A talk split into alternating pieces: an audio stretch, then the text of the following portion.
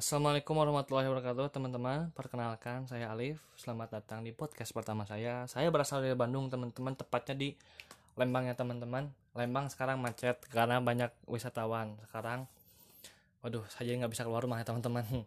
Nah di sini saya ingin Membahas ya teman-teman Sedikit sharing-sharing sih kepada teman-teman Terkait pandangan saya terhadap perilaku ekonomi dalam Islam ya teman-teman. Nah Nah, sebagai sebagaimana kita tahu ya teman-teman, perilaku ekonomi itu merupakan sebuah kegiatannya untuk memenuhi kebutuhan manusia. Nah, perilaku ekonomi ini sendiri ini sudah dibahas dalam Islam ya teman-teman, di mana uh, Allah Subhanahu wa taala sendiri memberikan kebebasan kepada umatnya dalam melakukan perilaku ekonomi. Akan tetapi uh, Islam juga uh, melarang ya teman-teman apabila suatu kegiatan ekonominya itu mengandung eh, apa tuh namanya mengandung hal-hal yang merugikan kepada masyarakatnya. Nah jadi sebenarnya meskipun Allah memberikan kebebasan kepada kita untuk melakukan interaksi ekonomi ya teman-teman atau melakukan perekonomian gitu baik baik itu jual beli atau yang lainnya uh, di sini juga Allah melarang kita memberikan batasannya maksudnya teman-teman memberikan batasan terkait kita melakukan ekonomi sendiri gitu. Nah, kalau misalkan kita ngebahas tentang perilaku ekonomi sendiri, terbagi menjadi dua teman-teman sebenarnya, yaitu ada pola konsumsi dan juga ada pola produksi, di mana pola konsumsi ini dibatasi ya teman-teman. Pola konsumsi ini yang di mana kita biasanya manusia ini kan banyak mengkonsumsi suatu barang ya teman-teman.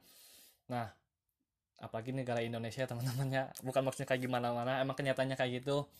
Nah di mana teman-teman pola konsumsi kita ini harus kita pahami gitu teman-teman. Nggak asal-asalan kita ah pengen ini pengen ini pengen ini. Tak itu yang sebenarnya yang salah itu sebenarnya teman-temannya. Nah, jadi pola konsumsi yang benar itu atas dasar kebutuhan ya teman-teman.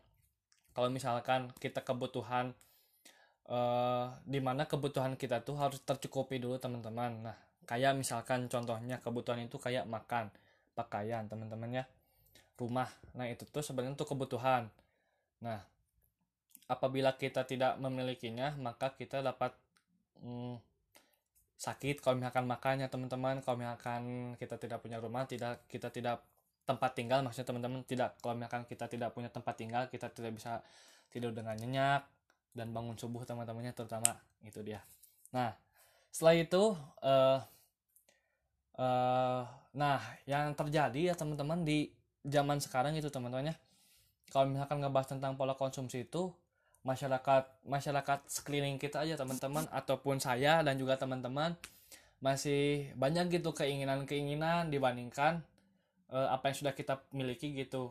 Kan sebenarnya kalau misalkan pola konsumsi itu harus memperhatikan apa tuh namanya kebutuhan dan juga keinginannya teman-teman. Kalau misalkan keinginan tuh keinginan atas suatu barang yang di mana suatu barang itu tuh tidak tidak tentu juga kita butuh-butuhkan banget gitu intinya. Misalkan kita udah punya baju banyak kita terus terus beli baju. Nah itu sebenarnya teman-teman ya yang merupakan keinginan yang sebenarnya harus ditinggalkan dan harus dikurang-kurangi lah. Sebenarnya itu tidak perbuatan yang kurang bukan perbuatan ya konsumsi yang kurang baik lah intinya. Nah setelah itu ada produksi teman-temannya. Nah di produksi juga Islam sendiri sebenarnya teman-temannya tidak membatasi gitu ya uh, apabila kita memproduksi suatu barang dan mengambil keuntungan sebesar sebesar besarnya itu sebenarnya tidak di tidak dilarang teman-teman malah dianjurkan. Akan tetapi hal yang harus digaris bawah itu sebenarnya tuh cara mendapatkan keuntungan itu sendiri teman-teman. Kalau misalkan kita keuntungan misalkan satu bulan 1 M tapi cara mendapatkannya dengan cara yang tidak halal gitu ya teman-teman sama aja gitu bukan apa-apa intinya mah. Kurang lebih kayak gitu teman-teman. Nah makanya sebelum kita memproduksi barang ataupun menjual barang yang kita uh, produksi kepada masyarakat umum harus diperhatikan dulu teman-teman ya. Apakah produk produk-produk dan cara mendagangkannya itu sesuai dengan anjuran Islam atau tidak ya teman-teman. Itu yang harus diperhatikan takutnya nanti yang yang terkena imbasnya itu kita kita sendiri dan juga harta yang kita miliki tidak berkah teman-teman. Mungkin cukup sekian dari saya kurang lebihnya mohon maaf. Wassalamualaikum warahmatullahi wabarakatuh